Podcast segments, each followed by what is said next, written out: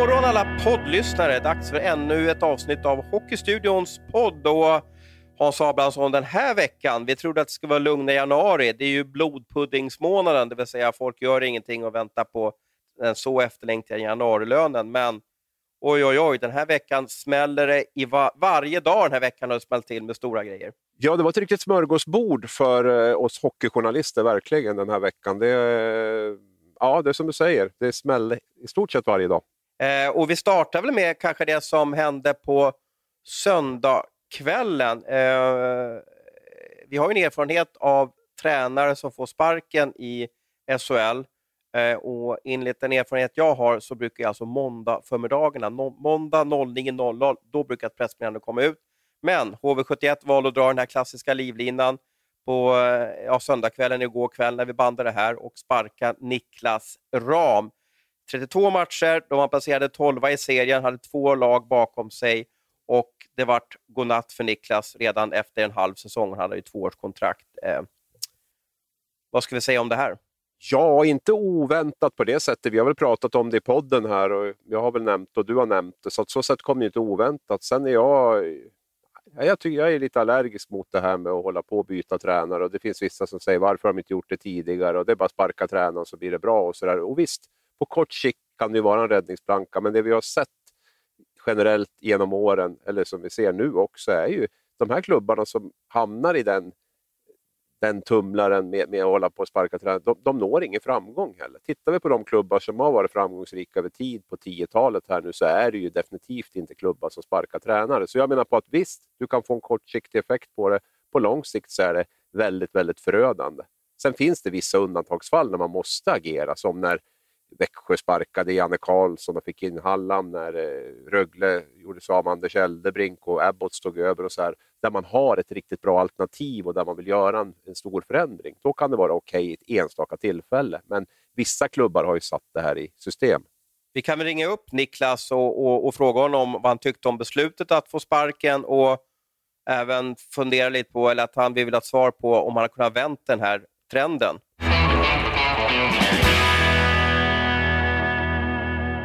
Jag förstår ju beslutet eh, på det sättet. Jag är ju ansvarig för resultatet. Sen eh, absolut hade jag kapacitet att vända det här naturligtvis. Men eh, ja, jag har gett eh, 110 procent av mig själv och skulle gjort det i fortsättningen också. Så att jag hoppas att eh, de som kom in efter att de gör likadant och vänder det här för klubbens skull.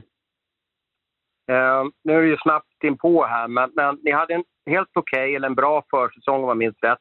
Mm. Men sen så har ju liksom själva serien inte liksom kuggat i. Uh, det, ni har ju aldrig liksom riktigt lyft. Vad, vad har det berott på lite kortfattat?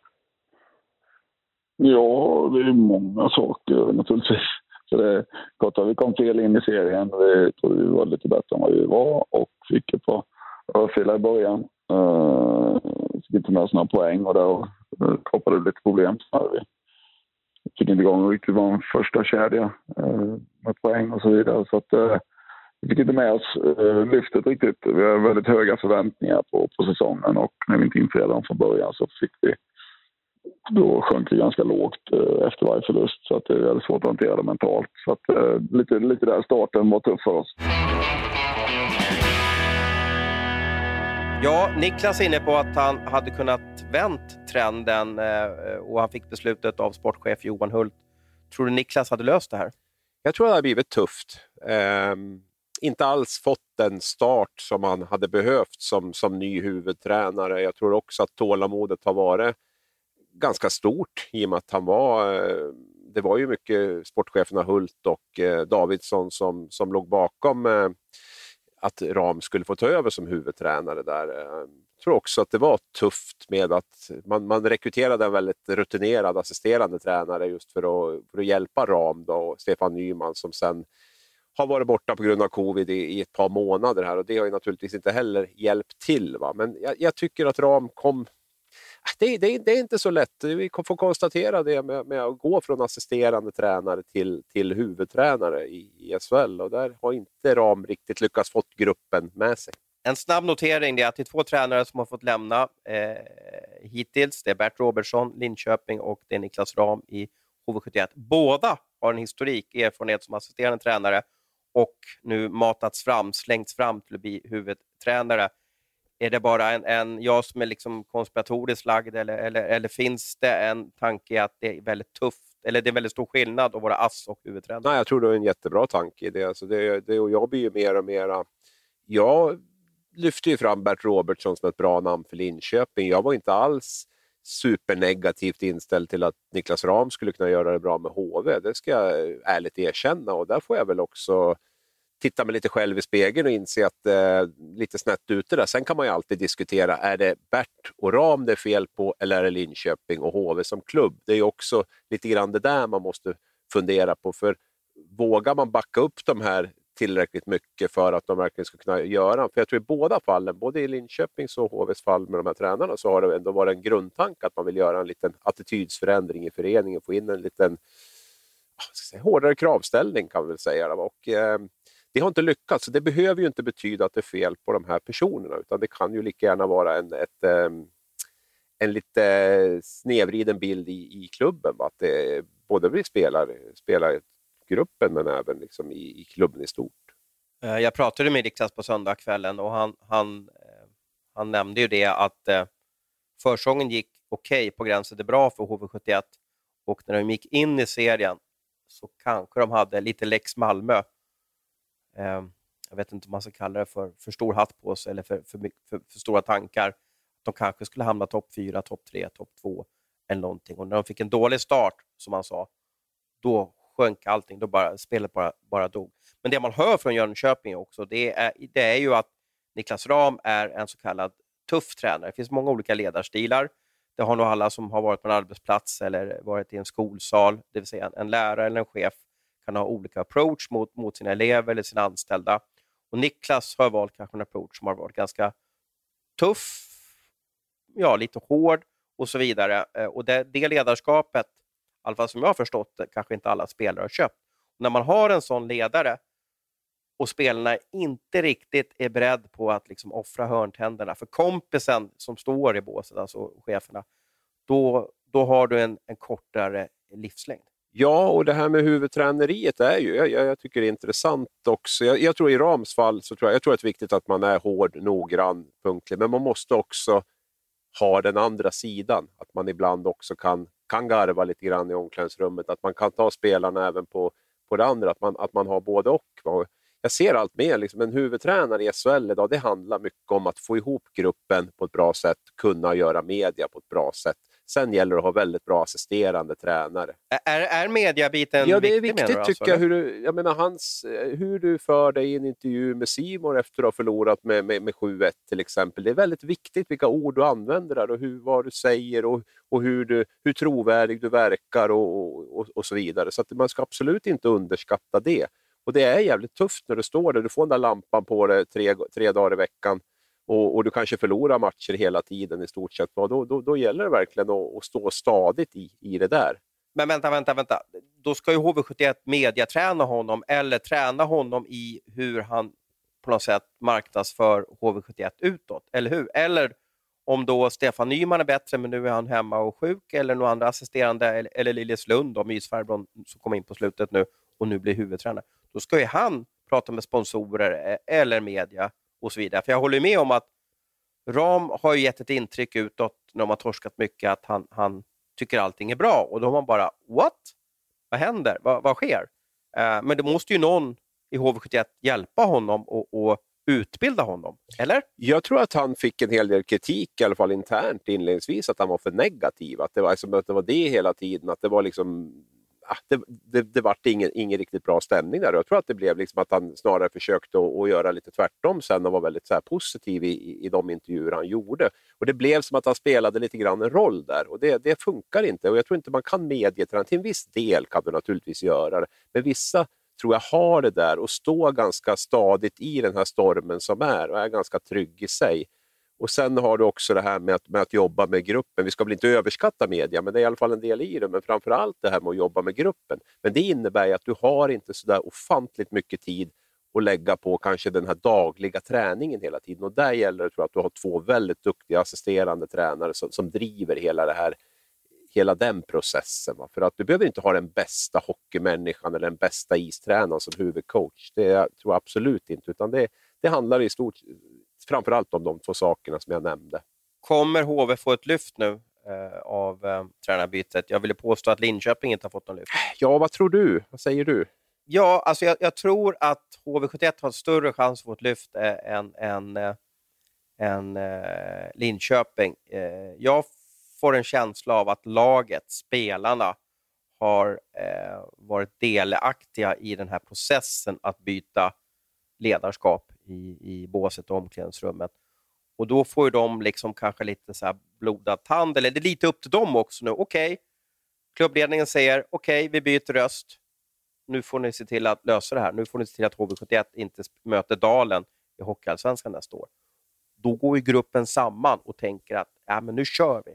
Nu ska vi visa att det var ju spelsättet, taktiken, det var ju det som det var fel på. Gruppen är det inget fel på, så nu, nu, ursäkta mig, nu jäklar kör vi. Jag, jag, tror att det kan bli en sån. Men tror du inte att det var lika Linköping då? För de har ju gjort samma sak. Ah, jag, jag, jag tror, ja, som jag analyserar det utifrån, jag sitter inte i deras omklädningsrum varje dag, eh, så var Niklas en, en tuffare tränare för spelartruppen än vad Bert var. Så upplever jag i alla fall. Jag kan ha fel. Jag sitter här i, i, i Stuvsta, Huddinge och, och, och intelligent gissar vad som sker i omklädningsrummen. Men det är min syn som man baserar på folk som man pratar med, som man eh, chattar med och, och, som man träffar och så vidare. Så, att säga. Liksom så, så, så, så har jag en känsla av att spelartruppen i HV71 mer har vänt Niklas eh, ryggen än vad spelartruppen i Linköping har gjort Bert. Klar undviker. Eller ja. vad, säger du? vad säger du då? vad hör du, vad hör du när du hör att Jag tror att det är jag tror att det är lite liknande situation om jag ska vara helt ärlig. Nu sitter jag och eh, och gissa på mitt håll, men, men eh, i och med att jag inte har full insyn i det. Men, men eh, det vi kan konstatera är att Linköping inledningsvis fick en väldigt, väldigt liten effekt av att, eh, att Bert försvann. Ehm, så att eh, det talar väl för lite mer för, för din eh, teori i så fall. Men tror du att HV undviker kvalspel? Ja, en jättebra fråga. Eh, jag suger på den och säger så här också att både Linköping och HV71, nu blir HV71 alltså Lilleslund, han går från ASS till huvudtränare. Eh, vi, man brukar se under en säsong att eh, det kommer in någon utifrån, någon ny så att säga. Jag vet inte om det här har att göra med corona, man håller i pengarna och så vidare. Men jag, jag har lite svårare att se att det blir den här jätteeffekten när man tar en röst som fortfarande finns i omklädningsrummet. Det blir som ingenting nytt. Man vill ha att, att Leffe Karlsson, eh, Perra, eh, ja det, det, finns ju fem, sex stycken som har kommit in här sista åren och, och liksom med, med som, är, som kommer in och har inte någon ryggsäck med information, med saker som har hänt. Den har ju Johan Åkerman och, och den har delvis Lilleslund och, och, och, och Nyman om han nu blir frisk. Förstår jag? menar? han har varit med om alla händelser. Det är säkert i alla grupperingar så blir det kontroverser och blir saker som sker. Jag tror att vill man ha en större effekt så måste du ha en god gubbe utifrån som kommer in med, med liksom ett blankt papper. På din fråga, undviker HV71 eh, kvalspel så är det ju, alltså, hur ska man säga, eh, jag är så fascinerad om det skulle bli ett kvalspel mellan HV71 och Linköping. Rent journalistiskt så är det en dröm att bevaka den. Eh, eh jag tycker att HV71 har ett så pass bra lag så man borde undvika, undvika eh, kvalspel. Men ser man tabellen nu med tanke på att Brynäs har, har så få matcher spelade, det är hyfsat, ja, det är hyfsat stort, alltså gapet börjar bli lite lite jobbigt för, för alla lagen där. Eh, jag tror att, jag säger så här eh, lite mesigt, jag tror ett av HV och Linköping hamnar i kvalspel och jag tror de kommer möta Oskarshamn. Du vill inte säga vilket av dem? Jag tycker att det är 50-50 just nu. Jag, jag, jag, tror att de där, de där två lagen kommer kriga mot varandra hela säsongen för att undvika. Och Sen tror jag att Oskarshamn kommer sakta men säkert liksom glida ner där på, till en plats 13 eller 14. Vad har gått fel HV71 då snabbt? Då? Eh, de har ett fantastiskt PP, speciellt sista fem matcherna. Eh, man har släppt in mycket mål och satt sina målvakter i jobbiga situationer. Eh, man är det minst utvisade laget och man gör relativt få mål i spel mot fem mot fem. Är det något mer du vill tillägga om, om, om deras no, men alltså, Ligger du sist och har ett jättebra powerplay, då, då är det ju väldigt uppenbart att spelet i fem mot fem inte är tillräckligt bra. Det är ju, då ringer ju alla varningsklockor hos mig och det, det har väl varit lite grann så med HV. Jag menar, man gick ju från 2017 även 2018 delvis, var kanske det lag som var det mest speldrivande i hela SHL egentligen. Man hade ett fantastiskt spel från bakplan med, med backar som, som satte igång spelet och sådär. Sen har det ju varit en, en, kurva som har pekat neråt även under Lillis tid. Att HV har ju allt mer gått mot att bli ett, ett försvarslag och man har inte riktigt fått ihop de här två, två delarna. Nu, nu, nu står man ju, man börjar på en ganska låg plattform nu när det gäller spelet 5 mot 5. När Lillis Stefan Lund kom in senast efter Johan Lindbom så, så hade man ändå ett spel, men man fick inte riktigt utdelning på det. Nu har man ju inte riktigt spelet eh, och, och, Det man kan luta sig mot är en fantastisk utdelning i, i powerplay och det, det är ju inget som jag skulle vilja gå ut i krig med i alla fall. Det var söndagens stora händelse. Eh, en, en av de stora händelserna i lördags. Det, hände ju, det var många eh, intressanta hockeymatcher. Vi har en eh, Frölunda-kapten som blev störst och vi hade en match mellan Brynäs och Skellefteå i Monitor ERP Arena som hade allt, får jag säga det. Många mål, du var själv där och tittade. Eh, om vi börjar rent positivt, vad, vad tar du med dig från den matchen? Ja, men det var väl kanske ingen skönhetsupplevelse. Det var två lag som, det var en match som svängde väldigt mycket. Det var två lag som ville väldigt mycket, men som också hade en hel del brister i sitt försvarsspel. Framförallt individuella misstag skulle jag vilja säga. Så det, det var ingen, ingen snygg match på det sättet, men, men eh, det fanns mycket adrenalin och energi och, och vilja i alla fall där. Alltså det, men det svängde och ja, många mål ja. och sådär, då blir man ändå lite det, blir som lite spänning ja, i matchen. Ja, absolut. Så det var väl det vi kan ta med oss. Ja, men så var det ju en tackling som vanligt. Det var Greg Scott igen då. Eh, han var väl med om en tackling här. Visst var det han som blev tacklad av Rek här? Som kan ditt Brynäs bättre än jag, va? Eller? Eh, precis. Rek åkte på skottet i, i ryggen där. Ja. ja, exakt. Precis. Nu var Greg Scott inblandad i en ny händelse och det här tror jag att, varför jag säger det här, då hade alltså en, en liten ryggsäck med sig in mot den här tacklingen. Han fick en ny tackling nu, eh, den här gången av Skellefteås Darren Norwick.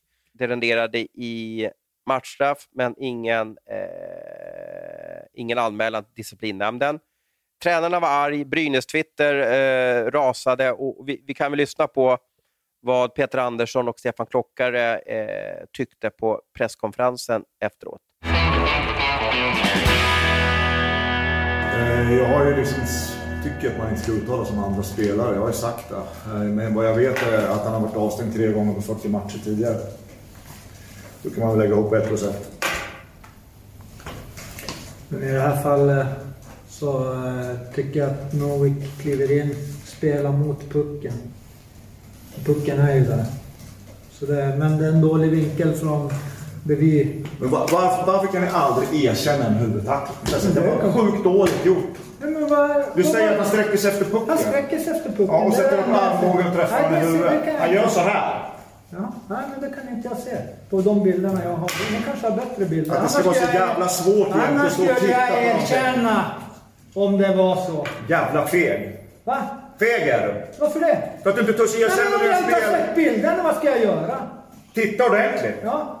Ni kanske har bättre bilder än vad jag har sett i du, alla fall. Ni har precis samma bilder som vi har. Ni har datorer med, ni kan ta fram bilder ja, varje gång. Ja. ja, jag vet. Stå för någonting någon gång. Så jävla fega allihop. Aldrig våga stå och säga någonting. Du var ju där Abris. Vad Stod du och gapade på presskonferensen? Ja, det måste jag ju säga att jag har gjort. Jag tänkte fråga dig, hur många presskonferenser har man inte funderat på om man ska kanske hoppa över och istället försöka lägga lite mer kärlek på den texten som man kastar ifrån sig på, på, på slutsignal? Det kan jag säga, för min del har det varit många gånger. Hur, hur har det varit för dig? Ja, man, väljer, man vet ju lite, man kollar ju lite vilka som går på presskonferensen. Eh, vem Brynäs, eller fel, vem Färjestad skickar. Skickar de eh, Penneborn eller Geron eh, och de möter Frölunda. Och, och om Frölunda skickar Roger Rönnberg, eh, då vet man ju att oj då, nu, nu, nu, nu finns det en historik mellan de här, nu, nu kan någonting hända. Jag kan också tycka att, att nej, jag kan inte göra det. Stefan Klock, Klockare för mig är den som jag trodde absolut, att, han har aldrig sagt halv sju på en eh, presskonferens och det är kanske är smart också, så jag, så jag trodde aldrig han skulle svara upp. Jag tyckte jag såg på Peter Andersson från starten, att, för han stod och vaggade lite som en gravid ankare. Att, att han hade mycket i sig märkte jag. Nu vet jag inte också om det var resultatet som, som byggde upp en irritation där och, och hela hösten och vintern. och så vidare. Men där såg man ju att det skulle liksom... Jag såg att det var någonting på gång hos honom. Så att jag vill nog säga att den här kommer i alla fall topp tre på de mest klassiska och bästa, måste jag säga. För jag vill absolut inte fördöma det här.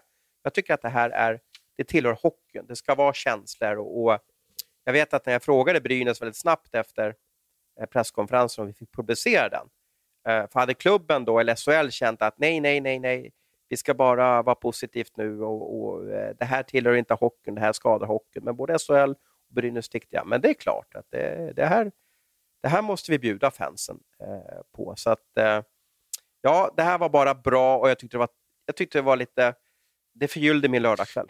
Ja, jag kan bara hålla med dig. All, all, liksom, man, man, man, kan tycka den bästa av världar att man kan uttrycka sig annorlunda, och så där, men vi har ju varit inne på det här tidigare. Vi vill ju, vi vill ju att det ska vara på riktigt, att man, att man verkligen bryr sig och att man är engagerad och att det ibland då rinner över. Så all, all cred till Peter Andersson, till Stefan Klockare och till Brynäs också tycker jag som, som eh, inser att det här är eh, intressant, att det kommer ut och att det är så här det kan fungera ibland. Vilken är din, har du någon så presskonferensminne som bara dyker upp, som har varit hett? Ja, men det är väl, eh, först har vi då, eh, du och jag satt på tåg från Göteborg till eh, Stockholm. Vi hade sett en slutspelsmatch tror jag. Eh, vi satt där på tåget och var lite less på, på, på livet. Vi ville bara hem och sen så drog vi upp våra mobiler eller om vi drog upp våra dat datorer och så klickade vi in på en presskonferens med det tilltänkta KL-laget Crowns. Eh, och sen så tror jag du och jag satt där i 45 minuter och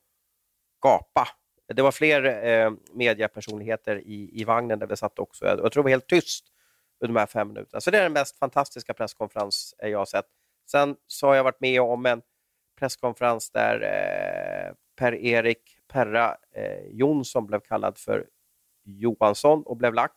Och sen har jag varit med om en presskonferens där, eh, när Bert, och, och Bert Robertsson och Roger Rönnberg har bråkat. om speciellt, de hade, det fanns bara en mick på den tiden, så att ingen ville lämna ifrån sig micken. Det var som lite så här, eh, ett barn i sandlådan som håller i en favoritröd spade och så vill någon låna den här spaden, men då vägrar den lämna ifrån sig spaden. Det var den känslan där. Så det var några av mina favoriter i, i det här efterspelet som oftast är Ja, det, det, det, är roligare att tömma diskmaskinen än att gå på en presskonferens. En, en, en, klassiker som man hade önskat man fick vara på var ju den med Anders Forsberg och Bert Robertsson också, där när Forsberg hade tagit över Modo och mötte Skellefteå där för, för första gången. Den, den hade jag också gärna varit på. Vad, var, vad hände där då? Jag vet ju att Skellefteå var lite irriterade på Anders Forsberg, eh, för de tyckte han tagit på sig lite för mycket ära. Och, ja. och ja, så var det rykten om, om spelarvärvningar mellan Skellefteå och Modo. Ja, var det inte grabbarna i gruvan där? Va? Som Bert, Bert fick, ja, var det ja, den Bert alltså, fick ja. ett riktigt, riktigt frispel. Det var mycket känslor som hade legat där, för det hade ju varit en ganska eh, ska vi säga, jobbig skilsmässa där och, och lite sådär. Va? Och de hade anklagat varandra lite fram och tillbaka och där kom ju den stora, stora uppgörelsen där. Då, för att, eh, Skellefteå och Bert tyckte väl inte att eh, Anders Forsberg hade kört med helt öppna kort. Det var ju väldigt mycket uppgifter om att han hade pratat med spelare i Skellefteå om, om Modo när han fortfarande var tränare i Skellefteå. Så där. Det är ju fortfarande ganska obekräftade uppgifter, men, men, men det var ju den, den versionen som, eh, som kom ut i alla fall och det var väl jäkligt känsligt. Memory Lane är en underbar gata att gå på. Tacklingen då? Mm. Eh, jag upplever tacklingen som att den är eh, nord-syd. Scott har klubban i två händer eh, och med det vill jag mena på att man är lite låg. Eh, Scott försöker nå pucken, det vill säga han är eh, extremt tacklingsbar. Smällen tar i huvudet, men jag måste liksom köra sarg ut. Jag vet inte om det ska vara en anmälan eller inte. Jag, jag har svårt att avgöra det. Jag har pratat med folk om den här tacklingen. Det var ju nämligen så att det är inte så att referens eller felsituationsrummet inte såg den här. Alltså det är klart de såg den.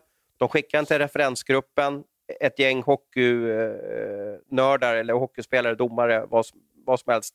Väldigt kunnigt folk som har kikat på det här och de har valt att inte gå vidare med den. Så att de tyckte att det var en ful tackling som skulle bestraffas på matchen, men ingen, ingenting mer.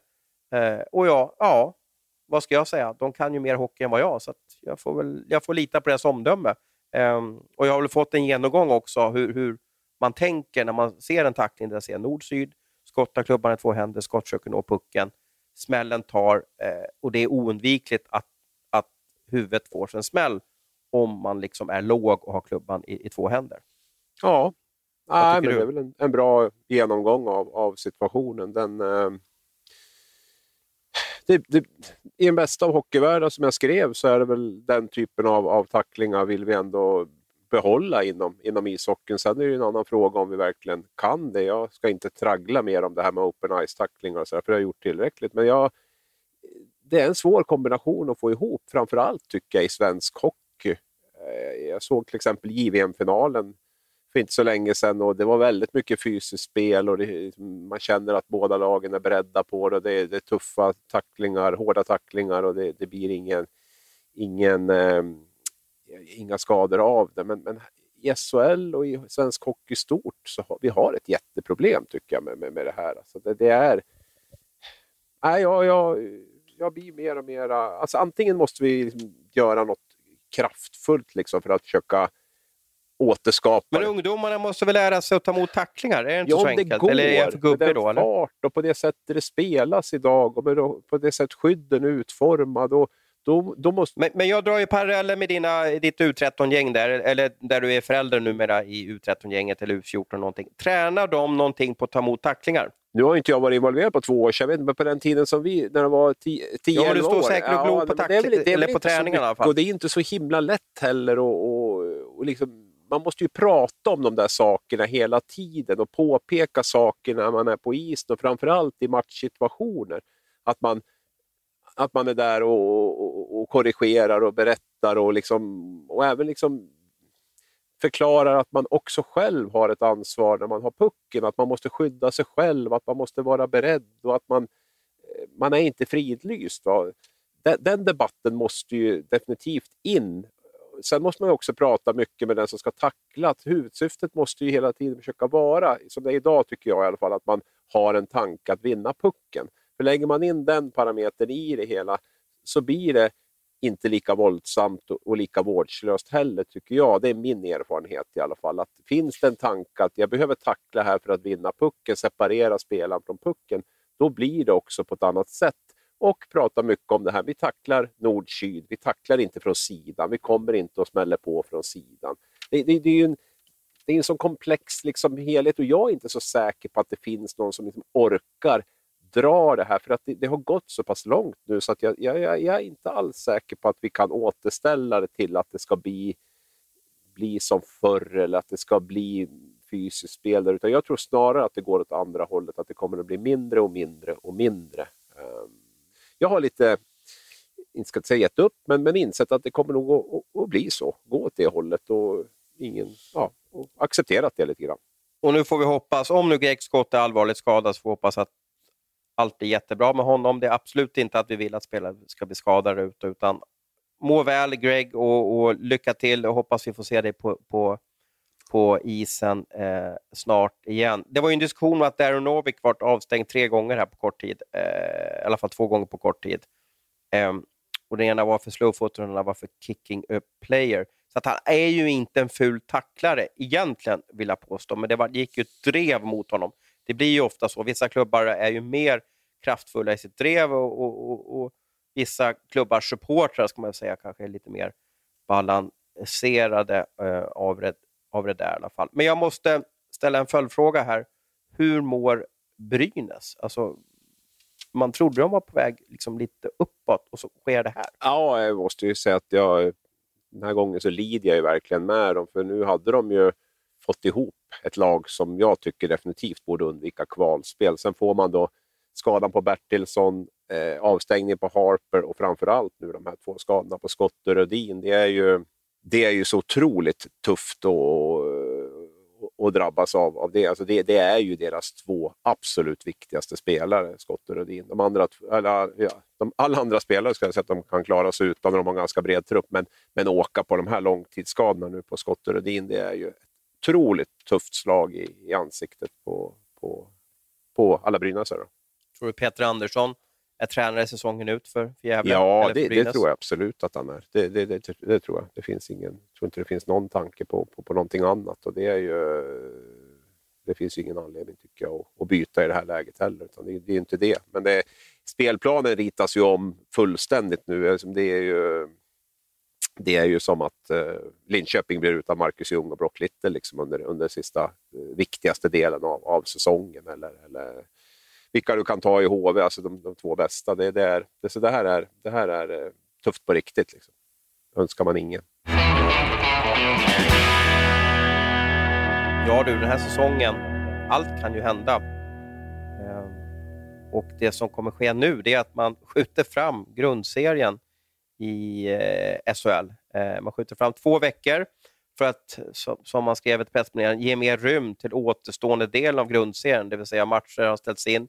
Just nu är det Malmö som har problem med covid-19 eh, och det kan säkert komma tillbaka. Vissa klubbar har ju fått en andra serv, en, en, en tredje serv. Jag har en känsla av visserligen att när Malmö har haft det så, så borde det vara lugnt. Vi har några klubbar som har klarat sig. Eh, Färjestad om jag minns rätt, de har väl haft några fall och så vidare. Va? Men det finns några klubbar kvar som kan få ett kluster där och, och, och det blir trubbel. Men nu flyttar man alltså fram grundserien två veckor. Det ska avgöras nu i, eh, i mitten av eh, i mars, har man på sig att lägga matcher. Och Det innebär att slutspelet kommer nästan pågå till halva vägen in i maj. Eh, ska vi göra några mer förändringar? Ska vi spela bäst av sju i slutspelet eller, eller ska, vi, ska vi hitta på någonting så att vi verkligen får en hockeyfest på slutet här? Eller, eller hur ska vi lösa kommande månader tycker du? men det känns ju inte som att det är någon superpanik att, att uh, spela matcher så fort som möjligt. Så det, det är väl ett första steg. Nu tycker jag att man, att man gör, har gjort det man har gjort. Man kommer väl att köra som någon depå liksom där i två olika veckor där lagen som har spelat mycket får liksom stanna till och vila upp sig lite och de andra lagen får spela i kapp då, så att de, man kommer i, i takt inför de sista omgångarna. Så ska, är väl tanken att alla ska ha, spela lika många. Då. Så det, det, är väl ett bra initiativ och tiden till det finns ju också. Sen eh, Sen skulle ju inte jag ha något emot eller problem om det nu blir spel. Vi vet ju inte hur kommer slutspelet att se ut. Ja, mycket talar väl för att det handlar om att dra ner kostnaderna så mycket det går. För någon publik att tala om har ju väldigt svårt att se att vi, att vi får. Um, ja, tyvärr. tyvärr, tyvärr absolut. Tyvärr. Och um, då är det väl det bästa alternativet kanske att uh, spela i någon typ av ja, gemensam spelort eller någonting sånt. Att, att, att lagen är kvar. Oh, men var inte det tråkigt? Ja, men blir det inte samma sak? Men en, en, en, en, helt folktom Skellefteå Kraft Arena eller en helt folktom Kinnarps Arena, då kan de väl lika gärna spela i Örebro. Ja. Liksom. Eller, alltså, det, det, oh. det, det, är ju så, tyvärr. Va? Det är ju publiken som är arenorna på något sätt. Och när inte de finns där, så då tycker jag att hålla på och flyga och chartra plan och åka fram och tillbaka känns ju ganska eller väldigt bortkastat om du frågar mig. Så att jag, och, och, är vi då där, där vi, där vi kanske spelar i, på, på gemensamma orter, då skulle inte ha något problem alls med om man gick ner på fem matcher om, om, om det behövs. Det finns ju liksom ingen större anledning, tycker jag, att, att, äh, att eh, spela sju matcher då, om det inte nu finns. Finns det luft i kalendern och man kan göra det, så, så visst. Men, men eh, annars kan vi, kan vi absolut, tycker jag, gå, gå ner på fem där. Det blir väldigt speciellt. SM-guld. Jag vill ha back-to-back 3.0 i SHL Hockeyallsvenskan eh, framöver. Vill att jag ska utveckla? Gärna. Eh, back-to-back, om man ska följa vad det är, det är att ett lag spelar eh, två kvällar i rad. Jag var tvungen att dubbelkolla det här med, med Johan Hedberg, 117 år i, i, i Nordamerika, vad egentligen back-to-back är, för det, det är ju en diskussion om det. Men det är alltså spelar ett NHL-lag två matcher i rad, ja då är det back-to-back. -back. Man behöver inte möta samma motstånd, man behöver inte spela hemma eh, två matcher i rad, man behöver inte spela borta eh, två matcher i rad. Så är liksom 1,0 av back-to-back. Jag vill ju att vi ska vara liksom fler. Tänk om det är så att Brynäs i lördags. Brynäs-Skellefteå i lördag och så får du Brynäs-Skellefteå i söndag igen. Tänk dig vilken match den här blivit. Eh, tänk dig vad känslor den matchen kommer in det, det, vill jag se och det tycker jag. Jag mässade med Johan Hemlin, sportchef, vice VD i, i SHL här på måndag morgonen och, och, och frågade lite om slutspelsschemat och han sa att det som ligger just nu är eh, sju matcher och att man spelar hemma, borta, hemma, borta, hemma, borta. Ja, du vet, som man alltid gjort i hundra år. Det att vid, något, vid något år så var det hemma, hemma, borta, borta och, och sådär. Men, men det, i år blir det hemma, borta, hemma, borta, hemma, borta. Hänger du med vad jag menar? Alltså det bästa laget börjar hemma och sen det lägst placerade laget Eh, spelar hemmamatch nummer två och så vidare. Eh, jag vill att man ska ha lite, lite känsla här, att liksom då köra ihop det så att det blir två hemmamatcher i rad, så att du får matcher dagarna efter varandra. Och Då sparar du på resor och så vidare. Det skulle jag vilja att det blev mer ordning på till nästa år. Liksom. Sen är det svårt att veta vilka matcher matchserier, matcher som blir känslosamma. Man vet ju Timrå och Karlskoga. Ja, men kör de två matcher i rad uppe i, i Timrå. Man vet ju om att det kommer bli oerhörd hockeyunderhållning både på en ja, fredag och lördag kväll. Kastar du, sänker du mitt, nej, men- min idé i... Nej, men jag måste bara... Så att skillnaden då... För nu möts ju lagen liksom bäst av sju matcher redan normalt sett. Men det är skillnaden nu att man spelar två dagar i rad och, menar, och dessutom gör det på, på samma, i samma arena. Då. Samma ort är ju bara för att, eh, Mm. speciellt det här pandemiåret, det är ju för att eh, slippa jobbig logistik, ge lagen lite samma förutsättningar nu, om, speciellt om det inte är någon publik som du säger, eh, att man kan sova, på, sova hyfsat och så vidare. Eh, så att det skulle jag kunna se att man kunde vrida till det i år lite, att det varit lite speedad. Och tänk själv också bevaka det. Om du åker ner till, till vi säger att det blir en förlorarfinal mellan eh, HV71 och eh, Linköping. Eh, det är bara eh, cirka 12 mil mellan de här städerna. Eh, en oerhört fin väg på E4 eh, mellan orterna. om man, man ser ut över Vättern, man ser Visingsö, eh, Gränna tornar upp sig. Eh, du vet de här vårdagarna när man åker den här vägen, det är, det är, det är hockey för mig. Men det, det jag vill komma till, eh, att man får se ett speedat schema. Lördag, söndag, HV spelar hemma mot Linköping. Det är bara typ 23 timmar mellan, mellan nedsläppen.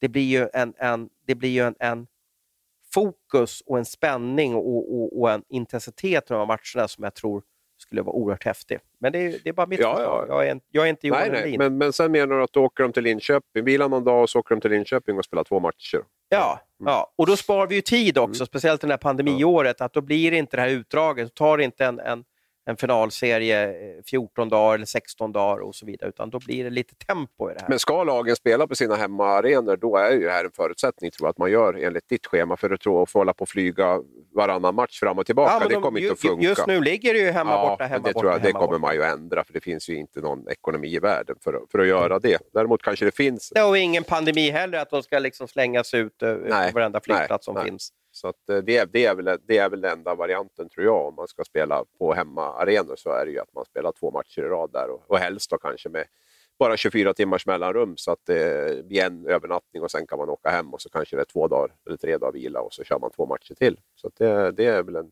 det är säkert ett alternativ som man, som man diskuterar. Vi har ju många intressanta, eh, vad ska man kalla det för, kombatanter i, i svensk, svensk hockey just nu. Jag tänkte du ska fundera på vilken, du, vilken, du, vilken matchserie som du tycker är mest intressant, kanske liksom på gränsen till infekterad och, och, och, och där det finns spänning. Då. Men vi har Frölunda-Färjestad, Det spelar ingen roll vilka år de möts, där, där det är häftiga matcher hela tiden. Det är, det är fint spel, det är hårt spel, det är tränare som tjafsar. Eh, vi har nu Skellefteå-Brynäs som har råkat i luven på varandra på, på grund av den här skadan på, på, på eh, Greg Scott. Vi har Timrå Karlskoga som jag nämnde som, som varje år. Jonathan Dahlén går ut och rasar hela tiden mot Karlskoga-spelarna som spelade ja, på gränsen hela tiden som de gjort det i hundra år. Men vilka två lag upplever du kivas mest just nu? Jag har ju verkligen gillat de här derbyna mellan Malmö och Rögle måste jag säga. Eh, Nu har det ju blivit lite Är det så mycket kiv där nu Den då? här säsongen har det ju inte blivit så mycket jag tycker när publiken inte finns där och så. Men de matcherna framför allt i, i av, nu får du hjälpa mig med namnet, men Rögles hemmaarena eh, tycker jag har varit, varit riktiga höjdare. Sen håller jag med om Frölunda och Färjestad som jag gillar. Jag tycker det finns någonting också verkligen i Mod och Timrå. Även om kanske Mod och Björklöven har målats upp som en ännu större rivalitet så tycker jag liksom, jag lever kvar lite i det här slaget om Västernorrland från 2007 tror jag det var. Eh, klassisk kvartsfinalserie. Så att, eh, där har du igen. Sen Leksand-Mora går väl inte att komma ifrån. Nu är de inte i samma serie, så nu är det väl svårt kanske att, att dra fram den. Men det, det finns ju några. Eh, sen, sen längtar man ju till, till att det ska bli Skellefteå-Björklöven någon gång på något sätt i alla fall i, i, i samma serie. Det hade ju varit, varit häftigt. Ja, du, arenan i eh, Ängelholm är ju lurig där. Den, den, eh, det är ju en sponsor som har köpt namnet och eh, den bytte namn 2019 från Lindab Arena till Catena Arena. Så det ska vara korrekt, korrekt namn. Där ser du. Det är som ett uppslagsverk. Ja, eller så är jag snabb på Google när du var lite duktig på att, att, eh, att, att lägga ut ditt svar där på, på de mest spännande matcherna. Så att, eh, tack Google för att du hjälpte oss och jag gick in på Wikipedia så vi får lita på att det stämmer. Ja, som jag sa, eh, det har varit väldigt många upplägg för den här podden. Eh, och vi har, inte lätt, eh, vi har haft väldigt lätt att hitta ett, ett gediget och vettigt manus för, för den här måndagspodden. Och i lördag så blev, jag måste nog säga, han är ju en vattendelare där ute. Eh, en del påstår att han bestämmer i svensk hockey, men, men Joel Lundqvist blev störst på ett sätt i Frölunda Indiens, och tar ju bort Indiens nu, då, men i alla fall i Frölunda. Han gjorde eh, sitt 237 mål och gick förbi Niklas Andersson. Och jag tycker att vi ringer upp honom och, och Joel, 237 mål av en kille som egentligen inte är en målskytt. Hur gick det till?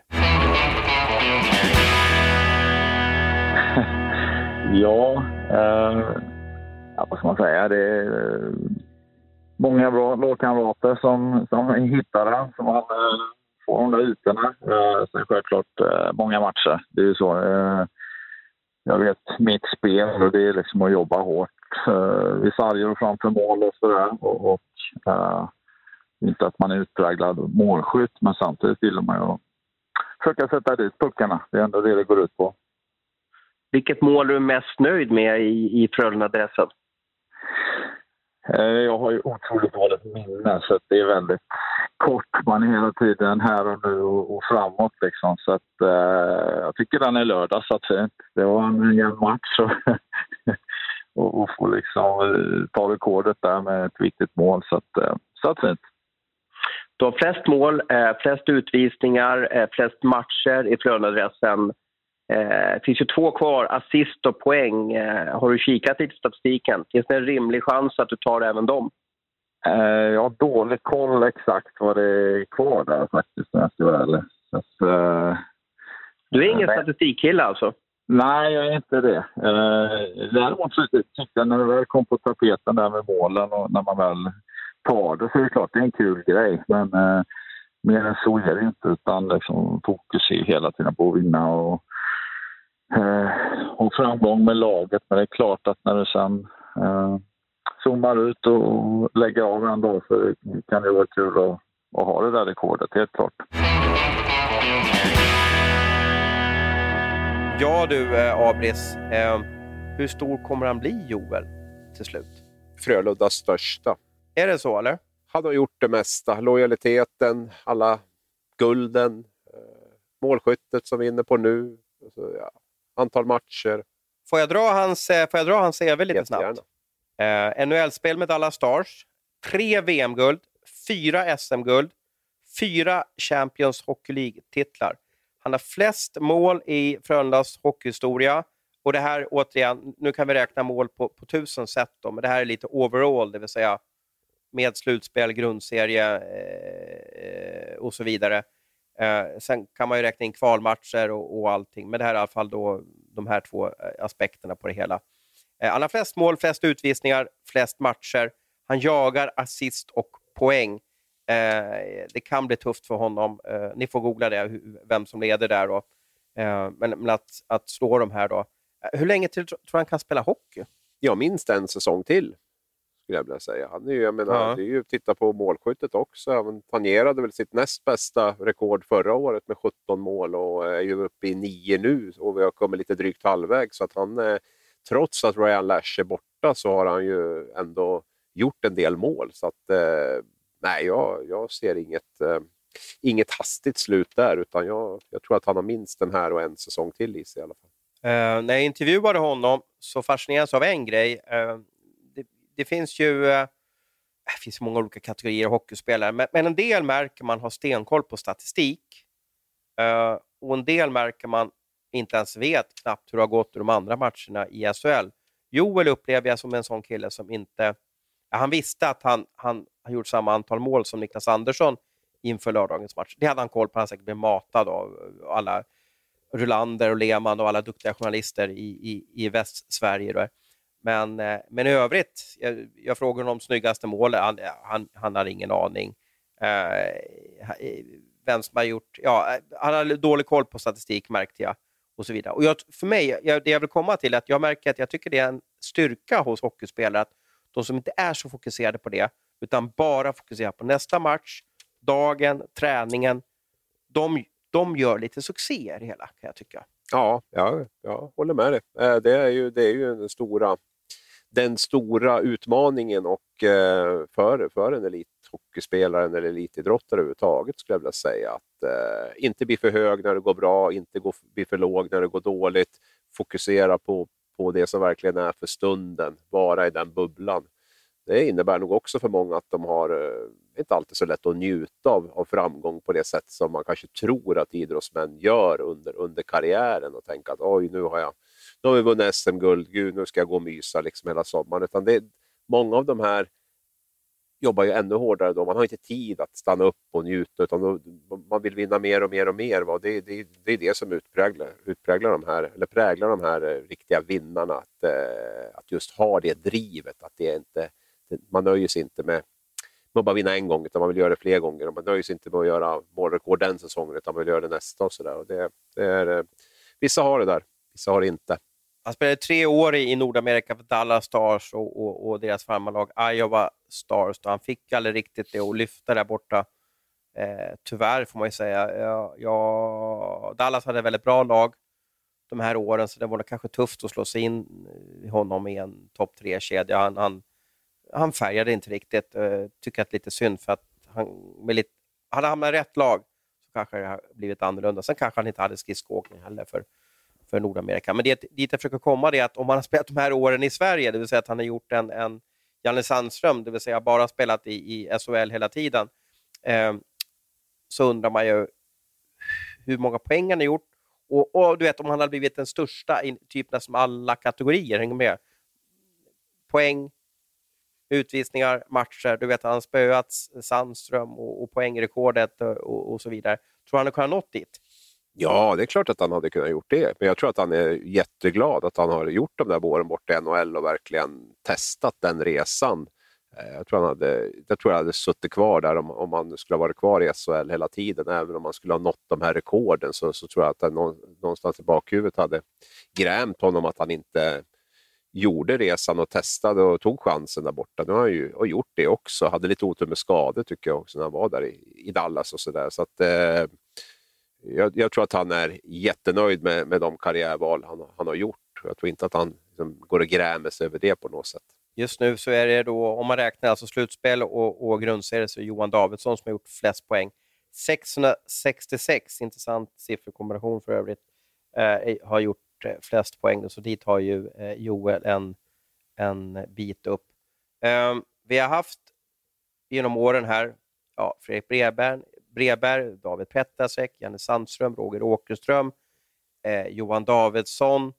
Eh, vem tror liksom blir den här nästa åldermannen som bara kör och kör och bara, liksom, bara öser in matcher och liksom ger aldrig upp, liksom blir den här Sverige, Sveriges Jager som aldrig slutar spela hockey. Vem, vem tror du av de här under 30 som, som kan nå dit. Aj fan, fick jag den över mig också? Den hade jag. En tuff. men ja, men jag, en som, en, som, en som är nära i Leksand ja. är ju en som är nära i Leksand är ju Jon Knutsson. Alltså, mm. Han, är, han är bara 30 år och nära att slå Niklas Erikssons eh, matchrekord i, i Leksands IF. Det är ju liksom helt otroligt. Alltså, nu har jag att göra med att det är 55 eh, matcher varje år och, och Leksand spelar antingen kvalspel uppåt eller, eller ja, kvalspel neråt och så vidare. Så, att, så att han kommer ju vara den här supertrotjärnan. Sen kommer ju aldrig, aldrig, aldrig han nämnas i samma kategori som Davidsson, Jönsson, Bremberg, eh, Joel Lundqvist, Janne Larsson, Per-Åge Skröder, men det är ju för att han har en annan, annan roll. Men har du någon annan sån där som du känner att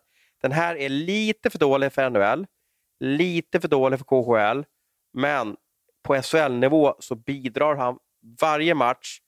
Eh, han är en sån där klassisk gedigen SHL-spelare och har huvudet att spela tills han är 38 år. Ja, men kan inte Niklas Lasu vara en sån då? Eller kanske eh, Anton Bengtsson i Rögle. Eh, typ den mm. typen av, av, spelare. För det är som du säger, det gäller ju att de får inte bli för bra heller. Eh, för då försvinner de ju bort Nej, till både Europa och NHL. Utan de måste ju vara sådär SHL-bra. Som typ Jocke Lindström och Joel Lundqvist och, och den mm. typen av spelare. Alltså det, men jag, det är väl två namn som, som poppar upp lite grann på, på uppstuds. Det är ju de som ligger också där högst upp bland aktiva spelare som jagar eh, Davidsson, och Jönsson, och Bremberg och Larsson i toppen av, av de totala eh, poängligan. Eh, nu är ju de här, ja, jag vet inte, det kan ju vara sista året för både Joel och, och Joakim. De har ju blivit så pass gamla så att, så att eh, eh det kanske är slut för dem. Då. Vi får se. Oftast är de här lite oväntade som man kanske inte riktigt tänker på.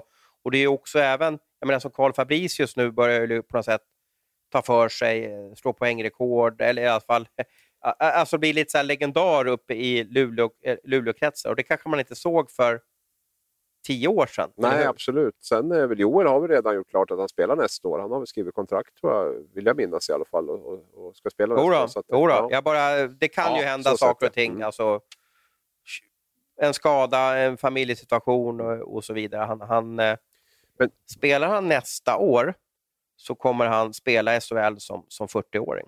Men ta en sån som Anton Bengtsson som jag bara poppar upp i huvudet. Har 27 år, har redan spelat över 400 SHL-matcher.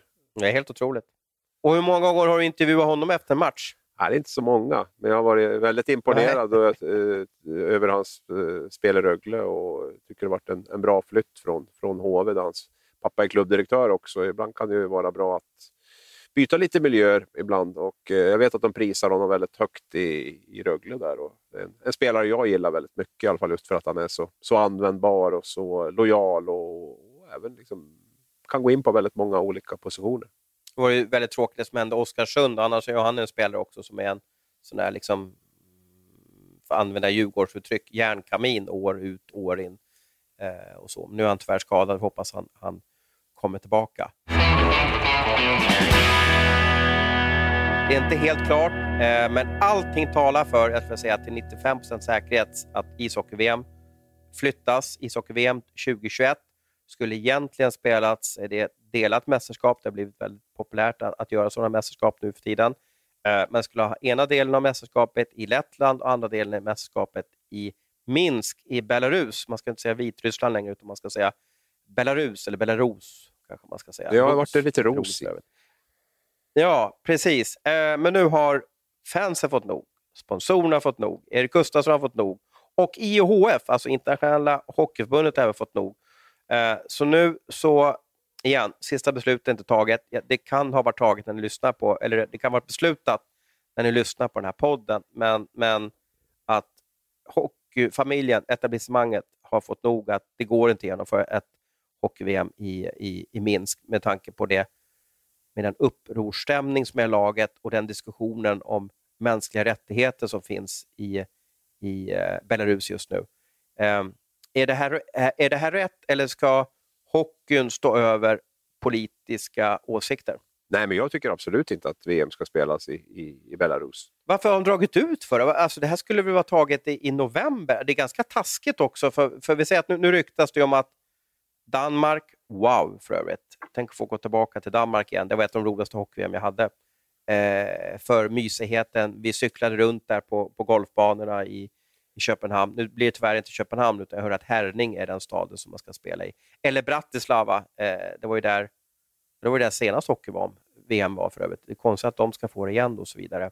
Men är det inte sent nu? Är det inte taskigt för Danmark eller liksom Bratislava? Eller ja, nu blir det inga supportrar heller för på, på de här matcherna kanske. Men, men skulle inte det här beslutet vara taget i november? Jo, det, det tycker man väl absolut att de borde ha tagit snabbare beslut när det, när det gäller det här. Det kunde man väl ha tagit efter president, det så kallade presidentvalet eh, och oroligheterna. Tror att det var ett val? Eller ska Nej, vi inte ge oss dit att citations, kan vi vara Citationstecken inom det där. Men, ja. men, eh, men, eh, men, det har väl varit naturligtvis en, en, en känslig grej det här. Jag menar, Belarus har ju fått VM av en anledning och det är ju säkert inte bara för att de eh, är bäst i världen på mänskliga rättigheter och, och en fantastisk hockeynation på något sätt. Utan det, är, det är klart att det har varit spel bakom kulisserna och det är mutor hit och det är korruption dit säkert och, och sådana saker. Och att då bara rycka undan det här, för det finns ju vänskapsband, vi ska inte tro något annat mellan, mellan personer i UHF och, och det belarusiska både regering och hockeyförbund som, som, eh, som på allvar sätts på prov nu och som, eh,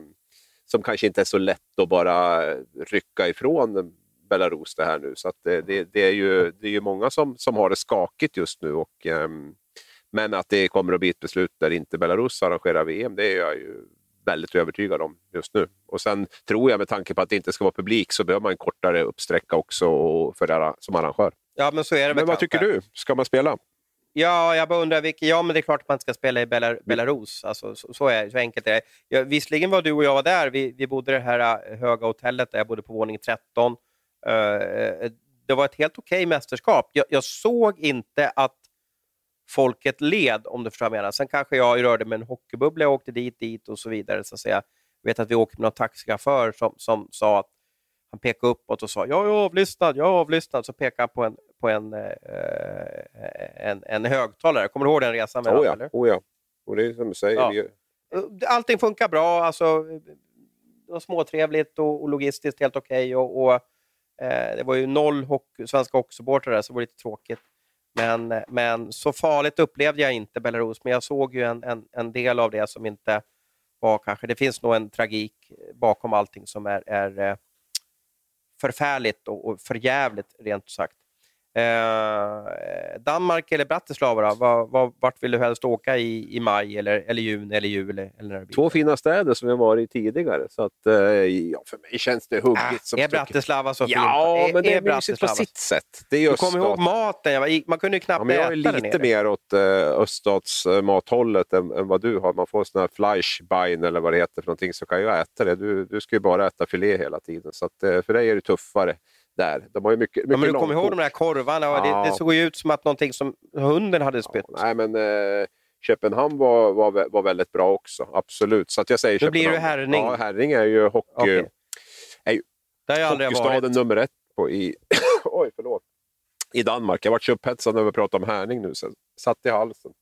Men där har jag varit på träningsläger ett par gånger faktiskt och det är en riktig det är där hockeyn är som starkast i Danmark, så är det, är det Härning. Och de har ju en väldigt eh, häftig arena också som man har byggt där. Det har inte varit handbollsmästerskap också, har för mig. Där. Och så här. Ja, någon kub va, på något sätt. Ja, Det ser ut som en Rubiks ja, kub utifrån. Så, den, eh, så det är, eh, det är en mysig stad på, på, på många sätt och vis som är en väldigt stark hockeytradition. Det här är ju väldigt unikt om det här sker. Då. Vi har ett fotbolls-VM i, i Qatar. Mm. Vi har många mästerskap i Ryssland, vi har många mästerskap i Kina.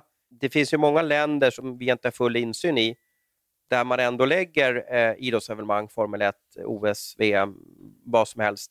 Kan det här bli agendasättande, att det behövs en högre kravbild på arrangerande länder för att få fina mästerskap? Det hoppas man ju verkligen. Det har ju varit en sån trend att det har ju nästan bara varit eh, totalitära stater eller diktaturer som, som har haft möjlighet att, eh, att arrangera de allra största mästerskapen. För på en demokratisk väg så är det svårt att få igenom en sån budget som, som eh, rättfärdigar ett, ett sådant mästerskap. För det är, kostar oftast väldigt, väldigt mycket mer än det smakar och det är stora arenor som blir stående efteråt. Och, och jag, det, det, är nästan så att det har krävts ett, ett enpartistyre för att, för att kunna arrangera den typen av mästerskap. Och det önskar man ju verkligen att det blir en, en förändring där. Att eh, kostnaderna för att arrangera kan dras ner så att det även finns andra länder som, som kan vara med och och hugga om de här mästerskapen. Sen finns det också en korruption. Jo, men det finns en uppsida för Sochi, eh, för Qatar, för, för, eh, för Minsk och så vidare, eller, eller Belarus. Det finns en uppsida när man får ett stort kulturevenemang som idrotten beskrivs, speciellt i, i östra delen av, av, av världen. Det är att det blir en det blir en bra PR över landet och för landet. Folket blir glada. Det är lite som att oj, nu har vi fått det här gåvan av, av eh, vår ledare. Eh, eh, och sådär. Så att då byggs det upp en positiv bild i landet och lite utifrån. Det är ju det här som är grejen, det är ju det här som är uppsidan för, för de här länderna, att få de här ja, fina evenemangen och så vidare. Det ska man ju med när man kanske funderar på varför, varför tjatar Belarus hela tiden på hockey-VM? Det var ju inte länge sedan de hade det, det är ju bara några år sedan de hade det. Men, men eh, ja, de kanske ger lite, gör lite pengar på sista raden, men det är väl ett uppsida rent reklam och PR-mässigt att, att nå dit. Nej, men det är ju, det är ju som du säger, och det är ju, det är ju deras sätt att visa att, eh, att världen eh, tycker att de är ett bra land, för vi får ju det här mästerskapet och vi åker ju dit. och det är ju som du säger, det ligger ju inte, det ligger inte folk till höger och vänster utslagna eller att man fängslar en massa demonstranter under ett sånt där mästerskap när vi var i Minsk, utan det var ju väldigt välstädat och uppsnyggat och vi hade ju en väldigt bra tillvaro på, på alla sätt och vis. Men eh, sen har vi också sett att det finns en, en annan sida. Eh, och jag tror, som jag var inne på tidigare, att går man i, i mittfilen där så är det inga större problem. Så fort du sticker ut lite eller har åsikter eller, eller någonting så blir det, blir det betydligt jobbigare. Och, eh, vi i de västerländska demokratierna kan väl tycka att man ska kunna få ta ut svängarna och, och tycka lite grann och, och så ändå kunna ta del av, av allt det andra. Men, men så funkar det ju inte riktigt där. Och, eh, men som sagt, du kommer därifrån med en, med en bra bild av Belarus och har säkert spridit den vidare under de här åren och sagt att det är ett rätt bra land. Det är inga problem alls. Och, eh, det är ju det man, dit man vill nå. Ska vi nu eh, dra slutsatsen att Erik Gustafsson bestämmer i hockeyvärlden? När han säger ifrån, då lyssnar René Fasell. Ja, precis. Det kan väl bli så. Joel bestämmer i Sverige, Erik Gustafsson bestämmer i världen. Ja, men är Joel verkligen i Sverige nu? Det vart ju lite, vart ju lite naggad i kanten där när han fick den där långa avstängningen. Där, så det vart ju frågan om det. Men, men äh, Erik var ju rak och tydlig. Jag, jag lyssnar på vad Joel säger. Jag tycker han är vettig i alla fall. Då säger vi. Nej, jag är lite rolig, men, men det var ju så att Erik Gustafsson i intervju med, med Jonathan Nilsson här på Aftonbladet för några dagar sedan sa att jag vill inte åka dit. Nu vet man inte om han åkt dit uttaget, men det var i alla fall en av de första spelarna man sett satte ner foten rejält. Jag tror inte René Falsell har, har sett det. Jag, jag, tror inte det. Jag, jag försökte ju vara lite, lite rolig här, men, men lite kul i alla fall att det gick så snabbt efter Erik Gustafssons utspel att René Falsell då, om det nu väl blir så, allt talar för det i alla fall, att, att hockey flyttas från, från Minsk. Eh, vi börjar närma oss en timme och vi är över en timme. Eh, hinner vi med snabbt om Färjestad eller ska vi lägga ner och, och fokusera på kommande Kan vi vara snabb? Två minuter då? Jag tycker tråkigt att gå dåligt för Färjestad, så kan jag väl säga. Eh, jag vet inte vad som riktigt gör att de inte får igång på den där eh, Värmlandsmotorn. Eh, eh, jag, jag, jag, tycker det är bara tråkigt, för jag vill ha dem långt fram i ett slutspel. Jag vill ha dem i en semifinal trodde lite att de var på gång efter en tuff start, så trodde jag de var på väg att, att svänga runt igen. Men nu har det ju dippat rejält igen. Då. Det, som jag har sagt innan så känner jag att lag som Rögle, Frölunda och Luleå står på en mycket stabilare plattform när det gäller framförallt försvarsspelet och kanske grundspelet i stort. Och eh, Färjestad har balanserat mer på lina. Det har varit mycket roligare på så sätt att följa, följa Färjestad, för det har liksom varit det är roligare att följa en lindansös än en som står på en betongplatta. Och, eh, när det inte då riktigt stämmer, eh, när man inte får liksom utdelning i sitt offensiva spel och sådär, så, så, så, blir det ganska bräckligt. Och jag tycker man under de, alla de här åren har försökt att stabilisera upp liksom grundspel och försvarsspel och ändå behålla den här offensiva kraften som man har, som man har haft, men, men inte riktigt lyckas med, med den där mixen. Och nu känns det väldigt eh, svajigt där. Plus att kanske truppen inte riktigt eh, är lika stark som vi har varit van vid heller med, med, med Färjestad. Man ligger nia i serien eh, just nu. Eh, just om det här är på fredag så kan det ju vara stora förändringar. Eh, eh just nu är det Djurgården, Djurgården Färjestad i det så kallade play-in, eller åttondelsfinalerna. Det är väl häftigt? Ja, klassikermöte direkt i så fall. Men det är ju väldigt långt dit. Ja, men mycket talar för det. I alla fall Färjestad har långt ner till, till Oskarshamn. Eh, Skellefteå kanske känns starkare än både Djurgården och Färjestad. Vi ska, det, det är långt kvar. Det är, näst, det är 19 matcher kvar för Skellefteå. Det, det, är 20 matcher kvar för, för Djurgården, så långt dit i alla fall. Ska de byta ut Pennerborn då? Den eviga stackisen i, i, i Värmland? Nej, jag tycker man ska göra klar den här säsongen och sen göra en rejäl analys efteråt och, och, och se vad man, vad, man, vad man behöver göra och, och, inte göra. Det kan ju definitivt vara så att man behöver bygga om lite runt Pennerborn. Precis som jag var inne på i början på det här programmet, så en huvudtränare. Väldigt mycket handlar om att få ihop gruppen, kunna ta media. Jag tycker Pennerborn gör det helt okej. Okay. Han måste ha väldigt bra folk runt sig och där kanske man får titta lite grann på, på hur man bygger ledarstaben runt honom. Det sjuka är här att de har ingen match varken tisdag eller torsdag, utan de är spellediga fram till lördag. Eh, jag, jag gissar nu att de skulle ha mött Malmö den, den här veckan, då att det blivit uppskjutet. Eh, eller så är det andra matcher, eller så är det bara en slump och, och så vidare. Uh, det är ett jobbigt uppehåll också. Eller kan det vara bra om man har en dålig trend att liksom få träna igenom, ta ett break på två dagar och ta Ja, men det tror jag absolut. I det här läget Färjestad är nu så tror jag det är ganska passande att få, få verkligen sätta sig ner och gå igenom spelet från, från grunden och, och börja med att göra de här små grejerna och, vara nöjd med det och bygga därifrån. Så jag tror att det är ett bra, bra break. Vi avrundar. Eh, tackar för oss. Eh, måndagen har startat på ett bra sätt, i alla fall för oss som har fått göra den här roliga podden och prata om det som vi älskar och, och gillar mest. Så att, eh, Tack för att ni lyssnar på oss och så hörs vi längre fram i poddkanalerna.